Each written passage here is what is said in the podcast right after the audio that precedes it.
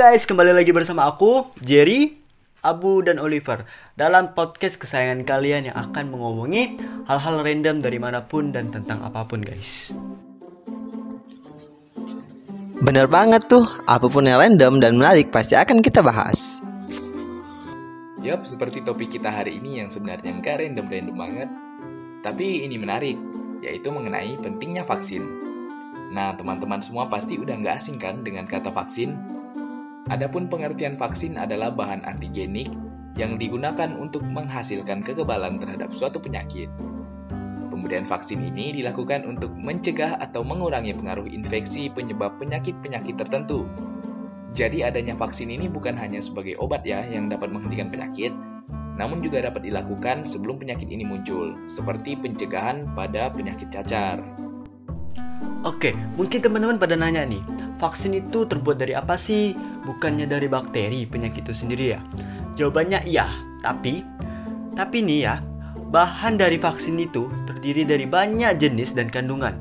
Masing-masing vaksin tersebut dapat memberikan kalian perlindungan terhadap berbagai penyakit berbahaya. Vaksin mengandung bakteri, racun, atau virus penyebab penyakit yang telah dilemahkan atau sudah dimatikan nih teman-teman. Jadi, bukan dari bakteri yang masih masih aktif ya. Kalau masih aktif berarti uh, bukan vaksin dong. Nah, vaksin ini merangsang sistem kekebalan tubuh untuk memproduksi antibodi. Proses pembentukan antibodi inilah yang disebut dengan imunisasi. Oh, berarti anak-anak yang dulu waktu masih bayi tuh imunisasi biar antibodinya kebentukkan ya? Oh iya, baru ingat aku. Posyandu selalu menyediakan vaksin untuk anak-anak. Kayaknya selalu dimulai dari anak-anak sih.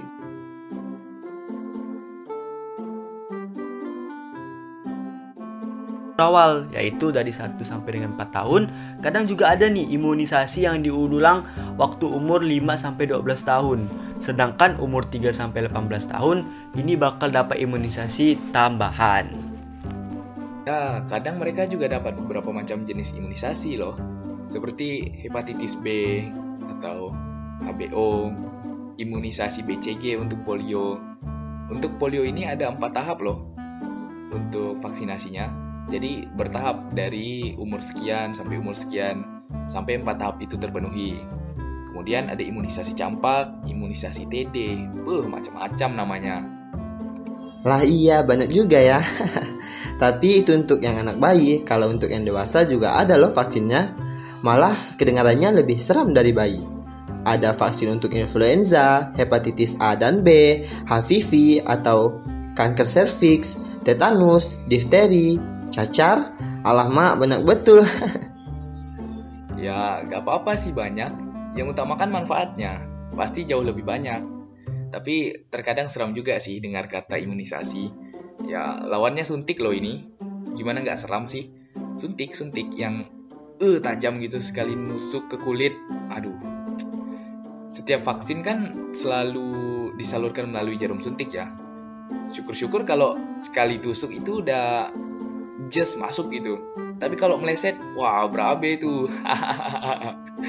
nah, kalau bisa diminum, kayaknya lebih enak sih. Jadi nggak ribet-ribet lagi harus disuntik. Hade, dikit-dikit alasan nanti nangis. Bilang aja takut disuntikan, benar ya? Nah, kalian nih ngom uh, ngomong-ngomongin jenis vaksin, kalian udah tahu belum sejarah vaksin? Nah, percuma tahu kan? Uh, nggak tahu jenis uh, sejarahnya. Nah, ibarat kalian kalian tuh tahu jenis roti tapi nggak tahu cara bikinnya. Nah, aku jelasin sedikit ya tentang vaksin. Nah, vaksin tuh di, pertama kali ditemukan oleh Pak Edward pada pada 17 Mei 1749.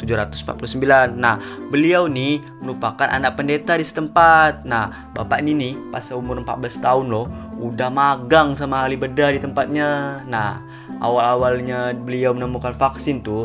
Nah, pada ceritanya nih ya, pada awalnya tuh di kampung halamannya tuh terkena cacar. Nah, uh, ada dua cacar tuh di kampungnya. Nah, pertama itu cacar yang menginfeksi orang-orang dan cacar sapi. Nah, cacar sapi ini tidak menginfeksi orang walaupun menunjukkan sedikit gejala. Nah, kemudian Pak Edward ini bereksperimen uh, dengan anak yang terpapar cacar manusia dan anak yang terkena cacar sapi.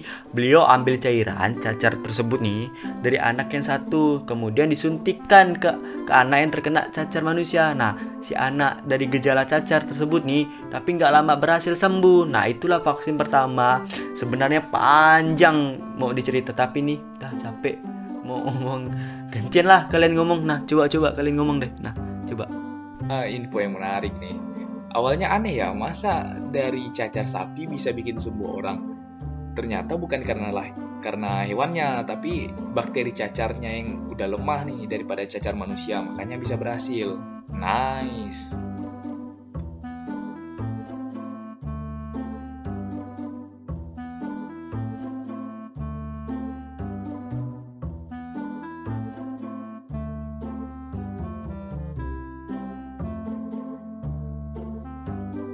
Ya, jadi jasa beliau juga sekarang udah sangat membantu.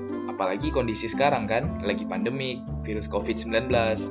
Para ilmuwan berlomba-lomba menciptakan vaksin biar ada perubahan yang awalnya dari wabah yang menyebabkan pandemik menjadi uh, penyakit yang selevel dengan cacar yang bisa disembuhkan dan bahkan bisa dicegah menggunakan vaksin. Betul ngap, tinggal tunggu nih vaksin mana yang kira-kira bisa sangat efektif untuk menyembuhkan COVID-19 nih. Ya mudah-mudahan dalam waktu dekat ya. Walaupun dekatnya nggak sama aku sih. Asik.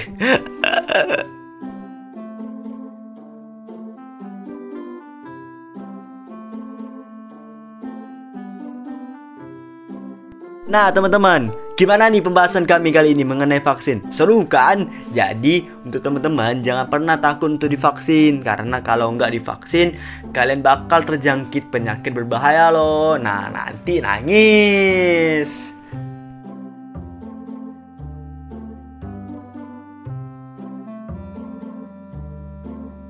Oke, demikian pembahasan kita pada hari ini.